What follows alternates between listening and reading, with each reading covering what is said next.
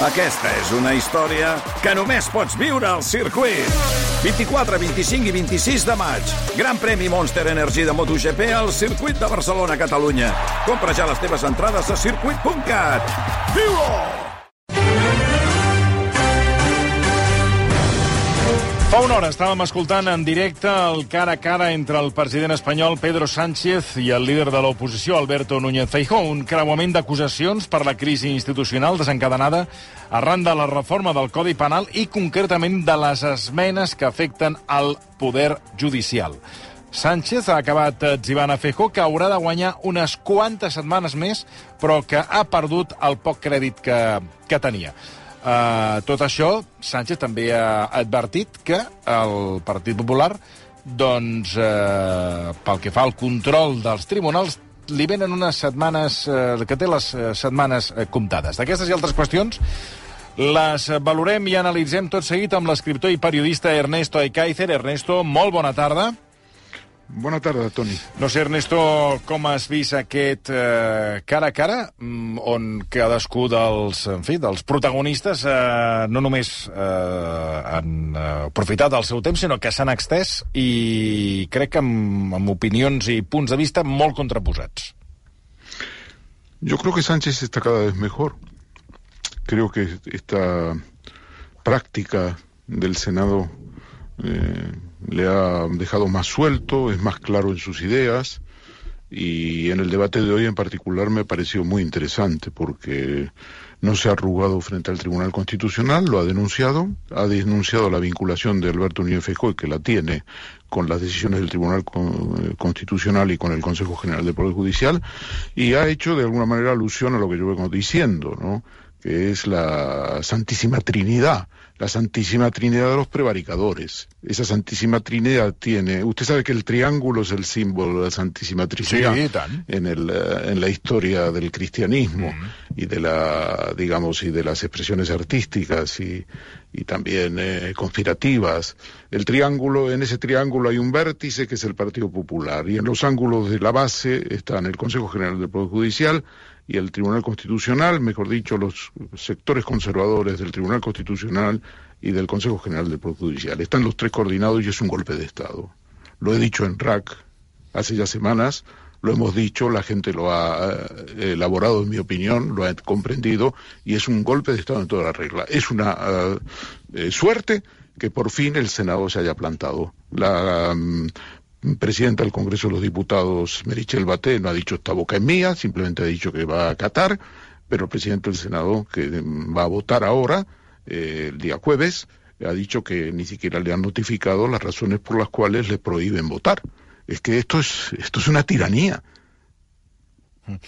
No, eh, era, era, era de Ernesto, que les mesures cautelaríssimes, no sé com ho veia vostè, però quan es va demanar aquestes mesures, que tirarien endavant per la majoria que té el Tribunal Constitucional, no? No solo por la mayoría, Tony, diría yo.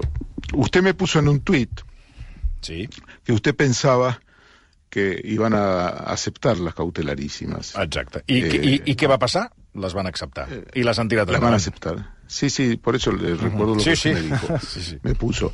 Y eh, claro, pero no es solamente, fíjese que tienen mayoría. Eh, no solo tienen mayoría. Tienen un ah, magistrado que es Enrique Arnaldo, que es el vínculo entre el Tribunal Constitucional, el presidente actual, el señor González Trevijano, y el PP. Arnaldo es un conspirador. Yo creo que si Pío Caro Barojas eh, viviese, eh, escribiría sobre él algo, un, un- un libro parecido al que escribió sobre un personaje, un liberal, eh, Aviraneta se llamaba, eh, y escribió un libro que se llama Aviraneta, eh, el gran conspirador o algo así, y Arnaldo es lo mismo. Enrique Arnaldo es el candidato que propuso Casado, muy amigo de Casado, eh, también ha estado en la Rey Juan Carlos, con el presidente actual, con el presidente actual, Pedro González Trevijano, eh, es el que aparece en la Operación Leso, en las voces eh, que se escuchan entre Ignacio González, el entonces eh, presidente de la Comunidad de Madrid, y Enrique Arnaldo, cuando Enrique Arnaldo, le, digamos, está trabajando para González en el sentido de buscar una persona para fiscal general del Estado. Es un conspirador nato. Entonces, los vínculos entre Arnaldo y el PP no son un secreto. Por lo tanto, el PP no solo, cuenta, no solo cuenta con magistrados simpatizantes, sino con un topo. Es un topo. Un topo quiere decir que trabaja y aconseja al PP lo que tiene que hacer.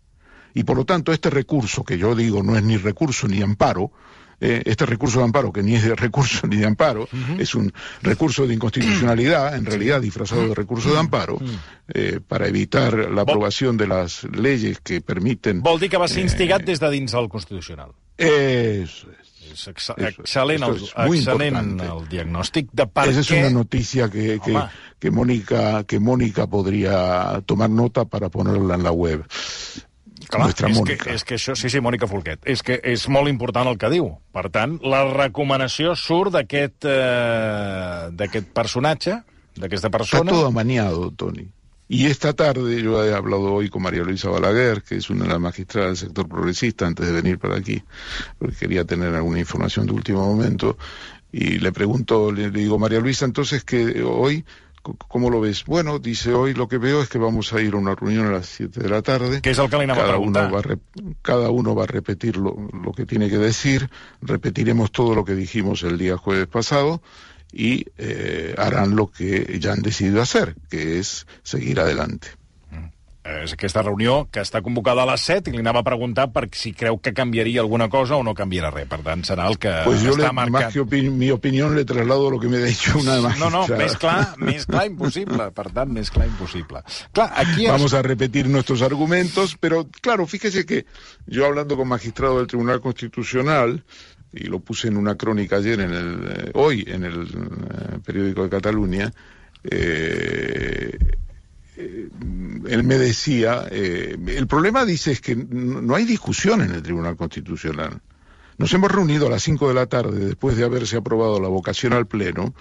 Eh, y no hay discusión, porque uno trata, digamos, los progresistas tratan de eh, plantear distintos argumentos desde distintos puntos de vista, la jurisprudencia del Tribunal Constitucional, los ejemplos que ha habido en materia de recusaciones eh, y, y en materia de medidas cautelarísimas y cautelares, pero ellos no responden. Es decir, que la mayor parte del tiempo entre las 5 de la tarde del día jueves, del día lunes eh, pasado, día 19, y las 10 y 10 de la noche cuando se aprobó eh, ¿Sí? se aprobaron las cautelarísimas uh -huh. y se decidió prohibir al Senado tramitar las dos eh, disposiciones finales. Eh, básicamente son, el tiempo lo consumen los magistrados progresistas, los cinco progresistas, porque dan argumentos, pero ellos no, ellos no responden. Ellos tienen una idea fija ya grabada que es somos seis, vosotros sois cinco, y eso no va a variar. Y entonces por eso se oponen, porque ¿cuál era la gran baza del día lunes? La recusación de dos magistrados que tienen un interés directo. Exacte. Uno es González Trevijano. Com, com és que es va tombar això? Eso es terrible, porque existe ya desde los años 80 y del año 2000, en determinados recursos que han habido de inconstitucionalidad, existe claramente el concepto de que eh, cuando se trata de una modificación, eh, cuando el Tribunal Constitucional tiene que discutir nada menos que una modificación de la ley orgánica del Tribunal Constitucional, es decir, del propio órgano al que pertenecen,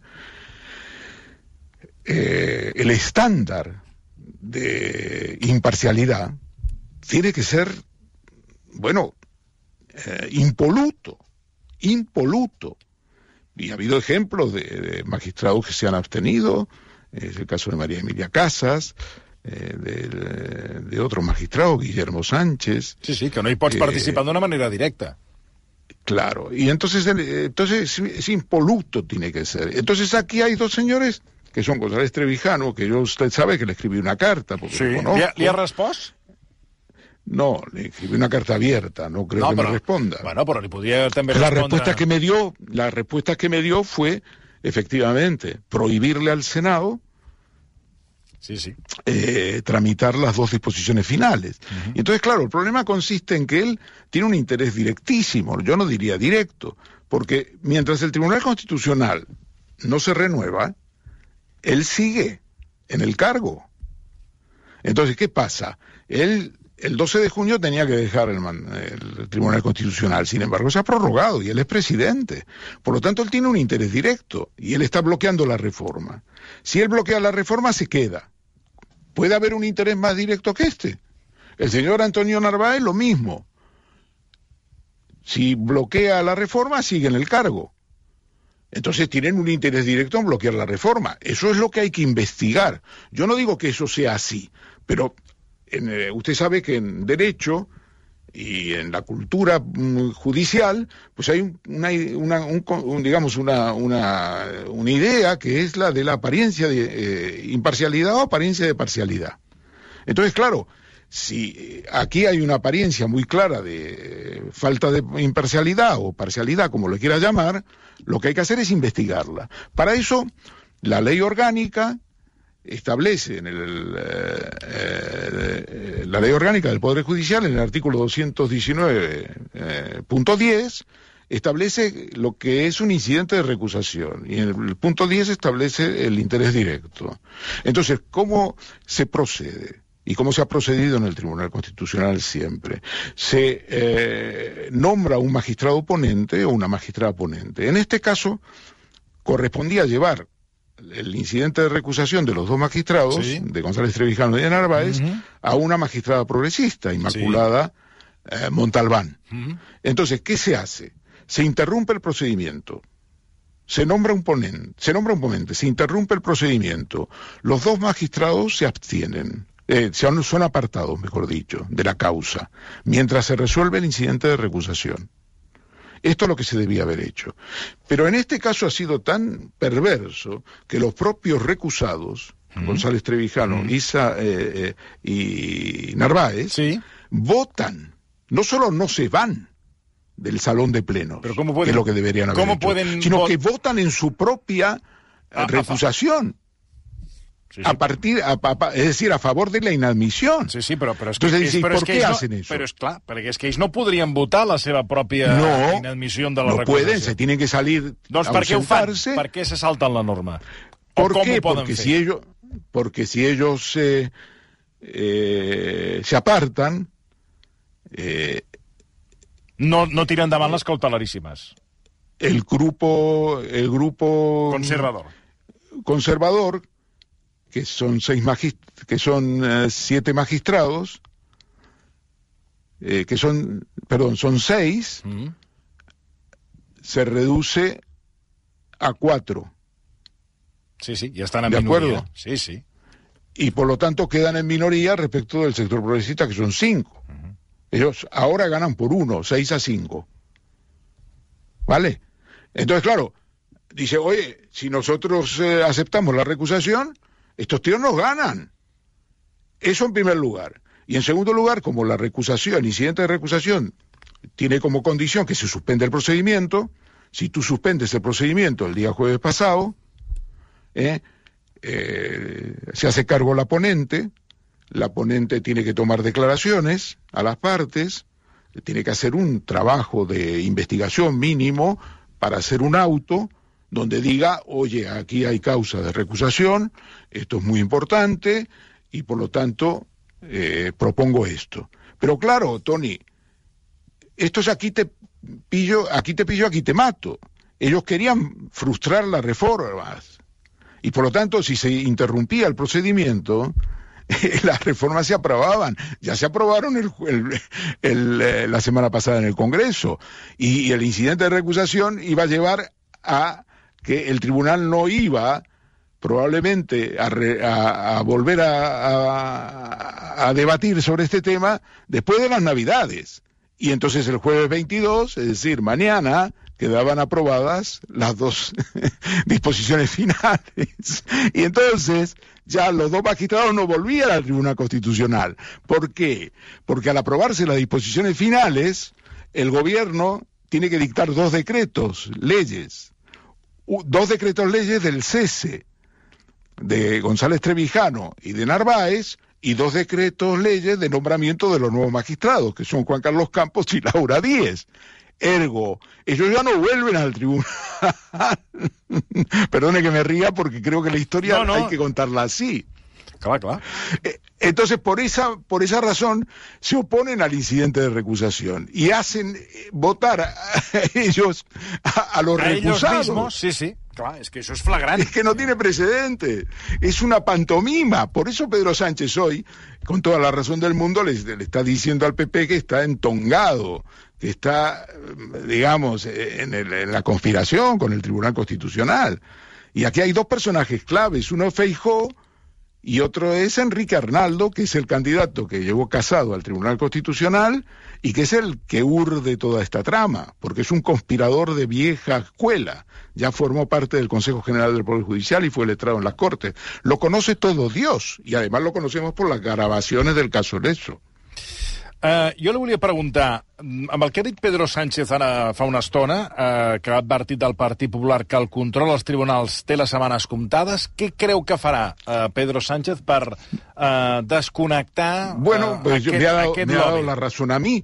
Yo decía en el, en el artículo, en la información que escribí el día martes Mm? sobre el tribunal, sobre la decisión de prohibir al Senado debatir, eh, aprobar, yo decía que el gobierno tenía una opción muy rápida y es hacer probablemente las cosas mejor de las que lo hizo. Porque yo, con estos enemigos, que es el Poder Judicial, no me juego los cuartos. Entonces yo, en lugar de hacer estas reformas por la vía de enmiendas, yo la hago por una proposición de ley. Y la proposición de ley no necesita informe del Consejo Fiscal, no necesita informe del Consejo General del Poder Judicial. La proposición de ley no es un proyecto de ley, es una proposición de ley y no la presenta el gobierno, sino los grupos parlamentarios. Y no se puede demostrar de que el gobierno está detrás, por más que intenten. Son los grupos parlamentarios los que la presentan. En la proposición de ley pongo las dos disposiciones finales y el Tribunal Constitucional no puede decir nada. Lo que pasa es que ellos han hecho un poco lo que han hecho, lo que se hace en estos casos, y trabajar en las enmiendas de los presupuestos poniendo cosas que no tienen nada que ver. A esto se le llaman que no son en- en, eh, reformas legales homogéneas. ¿Por qué? Porque eh, meto materias que no tienen nada que ver con, con el, con el presupuesto, ¿me entiende? Por ejemplo, fíjese, el, hay un- una anécdota muy interesante en este caso. Las últimas, eh, en las últimas enmiendas que se aprobaron en esta, después de la ley, de la modificación, de estas modificaciones, de estas disposiciones para cambiar el sistema de elecciones del Tribunal Constitucional y en el Consejo General del Poder Judicial a los efectos de evitar el bloqueo, la prolongación del bloqueo, venía otra que no tiene nada que ver tampoco, y es la- sobre las vacaciones de los abogados y los procuradores. Pero esa no la impugnó el PP, con el argumento de que no eran homogéneas. Escolta, ¿Por qué no la impugnó? Si eso tampoco era homogéneo, si tampoco tenía nada que ver con los presupuestos. Li volia preguntar sobre que, mm, clar, aquí el portaveu de la justícia, de, el portaveu de justícia de la Comissió Europea, eh, Ah, Christian... no, pero espere, espere. No, quería decirle, porque eh, para respuesta a su pregunta. Quiere decirse que si el Grupo Parlamentario Socialista y de eh, Unidas Podemos eh, se ponen a trabajar ahora mismo, en dos semanas tenemos la proposición de ley. ¿Cuál es el único problema? Que en enero no es hábil el parlamentario. Por lo tanto, yo decía, y creo que usted lo ha visto, que esto de Feijó y de, del Tribunal Constitucional eh, va de cuatro semanas a ocho semanas más y se les acabó la se les acabó la milonga. És la paraula que esperava que, que, que, vos- que estava esperant que li posés al final de la, de la frase. Se les acabó la milonga. Eh, no, li volia preguntar sobre això, perquè el portaveu de Justícia de la Comissió Europea, Christian eh, Wigand, ha assegurat que s'han de respectar les regles i els procediments per renovar els òrgans judicials. Hi ha hagut una certa crítica, Ernesto, des d'Europa a, a com ho No. ha fet el govern espanyol? Yo he visto la, de- la rueda de Sí. prensa de uno y de otro y de Reinders, que es ninguna crítica. Doncs aquí s'ha interpretat, aquí interpretat com una crítica. Bueno, Por pero eso que la prensa de la derecha y la prensa de la, digamos que no es de derecha, la prensa democrática no se organiza y no responde. Porque mira con, por, por, el, por el rabillo del ojo a la prensa de derecha, y esta es la que manda. ¿Qué Yo he visto la rueda de prensa en No, no, vivo. per, del per, señor- per això li pregunto, perquè... Yo lo he visto, no ha dicho nada, ninguna crítica. Y el señor Reinders tampoco hizo ninguna crítica. Dijo, arréglense. Pues si Reinders ha venido aquí, si ha venido aquí, ha hablado sí. con unos y con otros.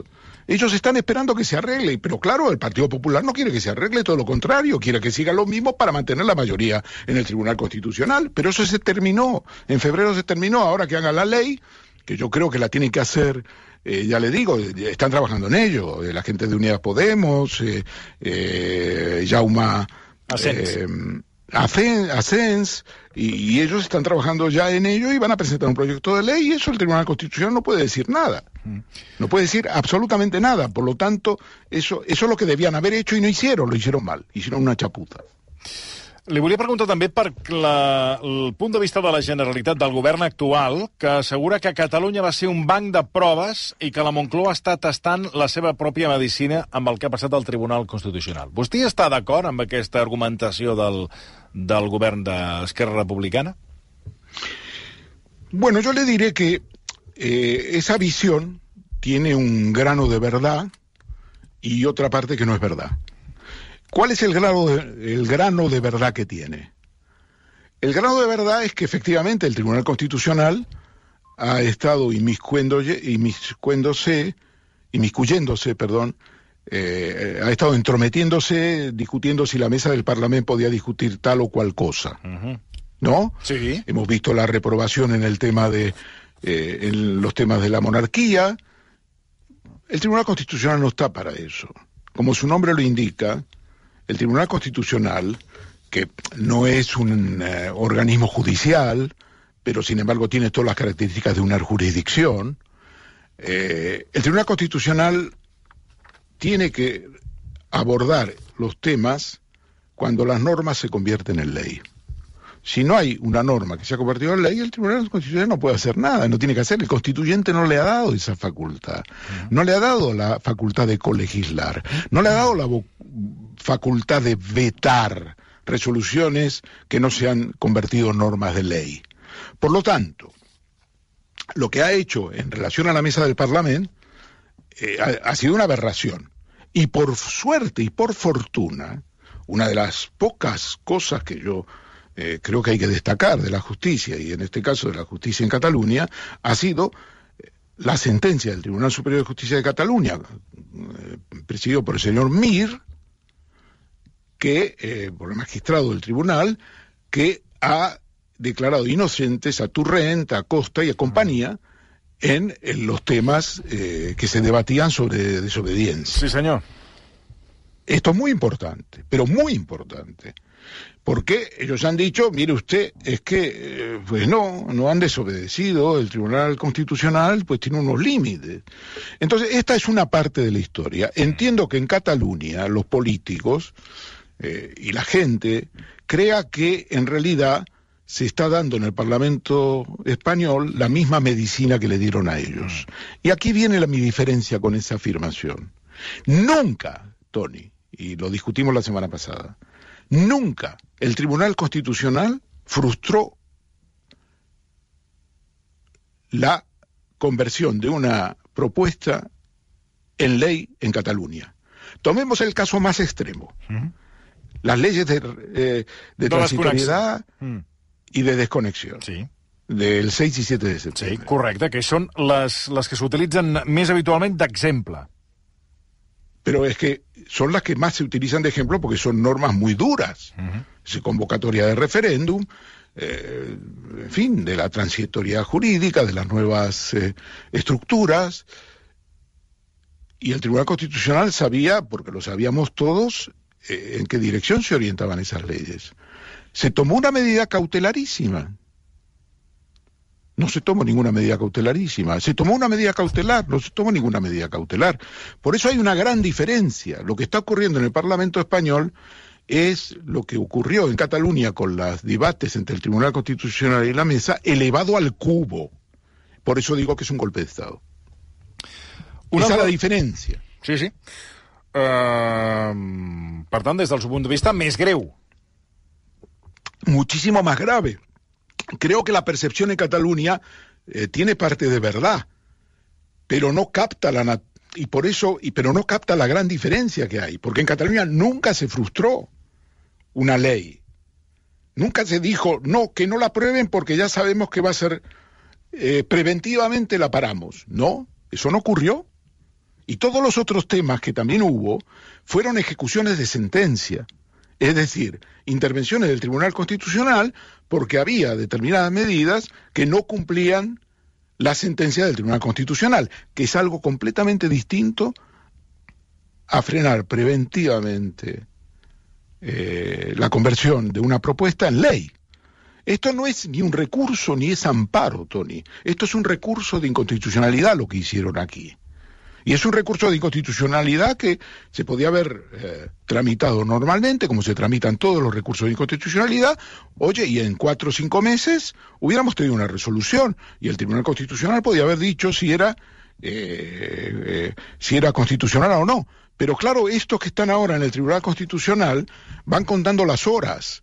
Y entonces esto que yo le estoy diciendo, a mí me contestarían, claro, amigo, pero es que nosotros en ese momento ya no vamos a estar aquí y la majoria va a ser distinta. Lo ve? Sí, sí, ho veig, ho veig. Eh, també volia preguntar per Vox, que ha anunciat que es carallarà contra Pedro Sánchez per la derogació de la sedició. Atès com està mm, el panorama judicial, és molt possible que tirin endavant, no? Bueno, ellos podrán ir adelante, pero si es que de todas maneras eh, esa reforma se ha aprobado, la reforma del Código Penal, y ya no hay nada, eh, digamos, está ahí, que vayan por la inconstitucionalidad y vayan a protestar al constitucional y presenten demandas y todo eso. Pero aquí está, Vox está peleando con el PP, se está peleando con el PP para ver quién saca más votos de esta historia. Yo no creo en las encuestas, mire, yo en mi Twitter no publico ninguna encuesta. No, no, no, no, no creo, no creo. Y cuando ni, en las, ni en las del CIS. No, no, no. cuando el CIS dice que ahora el tema de la sedición y de la eh, malversación, eh, los ciudadanos castigan al PSOE. ¿Sabe lo que le digo? A los ciudadanos les interesa la inflación. Por eso no se habla en los periódicos de la derecha de la inflación, porque es el cuarto mes que está bajando.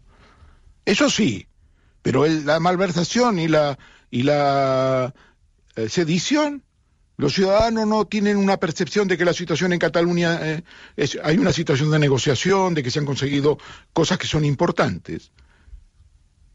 Ahora, claro, eh, entonces yo no creo en esas encuestas. Para mí esas encuestas no, dicen nada, no, no, tienen ningún valor. Lo diga el CIS o lo digan las encuestas que tiene Feijó sobre la mesa, que deben ser muy malas. Porque no veo por qué tiene que pedir tanto todos los días que se convoquen elecciones. Sí, sí, està... Bueno, potser demana això... Eh, no, no, sincerament, no sé per què, perquè si té males enquestes no sé per què, no sé per què ho demana. No sé. Bueno, porque teme que vaya peor. Ya. Porque él apostaba... Eh, yo el otro día me encontré con Rodrigo Rato, pero de casualidad, en, la, en una cafetería de Madrid. Yo tenía que hacer tiempo, había quedado con mi hijo a comer y tenía 40 minutos. Me había salido a dar una entrevista y eh, entré en una cafetería en Madrid que que está en la calle mm, Ayala con Castellana, y me encontré a Rodrigo rato, eh, que estaba tomando un café, y bueno, estuvimos hablando, lo conozco hace muchísimo tiempo, como comprenderá. Y, pero no lo había visto desde la salida de prisión Y eh, estuvimos hablando sobre esto. Y entonces yo me pregunto, ¿qué, qué, qué impresión tienes sobre eh, la situación económica? Y yo le dije, mira, yo la situación económica no, escribo poco, porque pero mm, discrepo de todo lo que se dice. Yo no tengo una idea de que hay una catástrofe económica en España. Creo que la inflación española es una inflación que no tiene orígenes propios de España, tiene que ver con el tema de la energía, tiene que ver con la crisis eh, con la crisis de los abastecimientos y, y, de la, y, de los suministros que provocó el COVID y luego por la guerra de Ucrania. Y pienso que eh, en este momento la inflación está ajustándose y prácticamente es una de las más bajas eh, de Europa. Me preocupa más la inflación alemana. La inflación alemana y la recesión que hay en Alemania en este momento que tiene que ver con la cuenta corriente, de la que siempre Alemania ha disfrutado de un beneficio y de una competitividad respecto de Europa. Y él me dijo, yo estoy de acuerdo contigo. Y yo digo, creo que Feijo se ha equivocado. Ha apostado a una crisis eh, económica que no se ha producido. Que, para ser, li ha Pedro Sánchez en el cara a cara, li ha recriminado. Exacto, exactamente. Y me dijo, eh, me dijo que sí, que estaba de acuerdo. Me dijo, sí, sí, yo, coincido contigo, creo que se ha precipitado demasiado. Y dice, a mí, y sobre Feijó me preguntó, yo le dije, mira, yo lo que veo es que gente del PP, Feijó no, no, no le gusta. Y, y él me dijo, mira, yo conozco mucha gente del PP, que es la gente con la que me relaciono, me dijo. Cada uno se relaciona. Y tampoco, y tampoco. Entonces eh, me dijo, yo creo que va a ser una elección a cara de perro. Bon, a veure què és el que passa. Eh, Ernesto, que tingui una, unes bones festes, un bon Nadal, ens retrobem la setmana vinent. Eh... Si no me dice nada de Argentina, todo. Bueno, és el que a no? Me ponen a caldo todos los días en las No. redes, váyase usted a Argentina, no arregle los problemas de España, con malas, con malas palabras, con evidentemente con Li anava a dir ara no que si... Bueno, suposo que ho deu haver celebrat, o, de, i a més eh, amb el paper... Bueno, pero qué partidazo, Tony. Parecía un partido de tenis con tres sets. ¿eh? Lo voy a escribir. Parecía no un partido de fútbol, sino de tres sets. Gana, ga- gana Argentina. Gana Argentina 2 a 0. Empatan 2 a 2. Eh, eh, empatan 2 a 2. Luego. 3 a 2. eh, gana Argentina otra vez 3 a 2. Eh, empatan otra vez. Y luego gana Argentina. eh, por los penaltis. Parecía un partido, eso, un de tenis. Pero ¿sabes lo que más me importa? Ahora estoy escribiendo una crónica, un artículo para el periódico eh, sobre este tema, sobre la parte de la dinámica del equipo argentino. ¿Qué es el equipo argentino? Porque son pibes, lo que llamamos en Argentina pibes. Estos, estos son, están en algunos clubes profesionales de Europa, pero son chicos, son chicos. Y eh, eh, nadie daba un duro por ellos. Fíjese que el presidente de la Argentina no vino al Mundial. ¿Por qué cree usted que no vino? Ahí estaba descamisado Oh. Macron. Que pesado. Jo pensava, vete a tu casa ja, unes ànsies de protagonisme. Bueno, pero no vino, no vino Alberto Fernández por temor, porque no sabía, eh, la situación en Argentina es explosiva. Pero lo que quería decirles es que nadie daba un duro por este equipo, y por el entrenador menos que menos. Por eso nunca nadie en Argentina antes del Mundial hablaba muy bien del entrenador. Entonces hay una historia que hay que contar, pero lo, lo- lo relevante es que las celebraciones que se producen en Argentina en este momento no tienen precedentes. Sí, sí. Millones y millones de personas Més en la de calle 5 el milions de día domingo Sí, pero millones. Es una revolución. Es decir, refleja la crisis que hay, porque la gente se siente eh, satisfecha, tan satisfecha como insatisfecha por la vida cotidiana. Y luego el partido, no sé si alguien se lo ha dicho, pero yo lo voy a escribir, eh, el equipo argentino hizo el equipo de... eh, hizo el equipo, yo soy culé, como sabe, hizo el partido de Guardiola. E- Este es el Guardiola.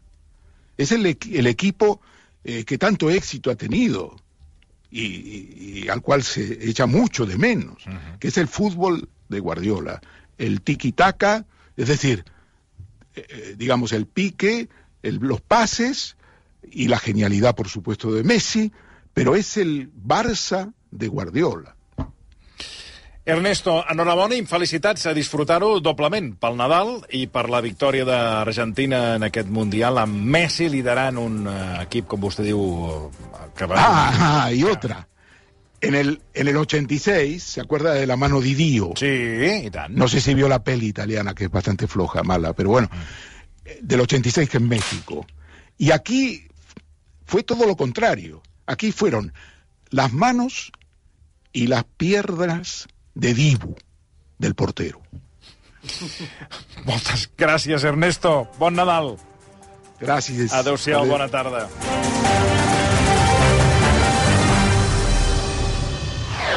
Versió RAC 1.